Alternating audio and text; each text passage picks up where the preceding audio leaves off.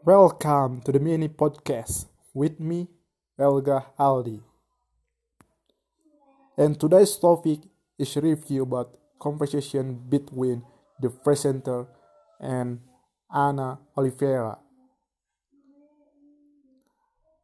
So Ana is the creator and founder of Hamwork, spelled with an X. So let's begin. Where I have told Anna is the creator and founder of Hamwork, spelled with an X. So this application have a teenager for study because the parents are busy, so that make cannot have their kids. And also the tutor is very expensive. And this application help tutor for to get a student.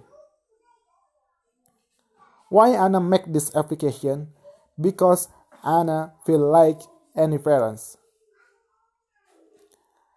And don't forget this application for both Apple and Android devices.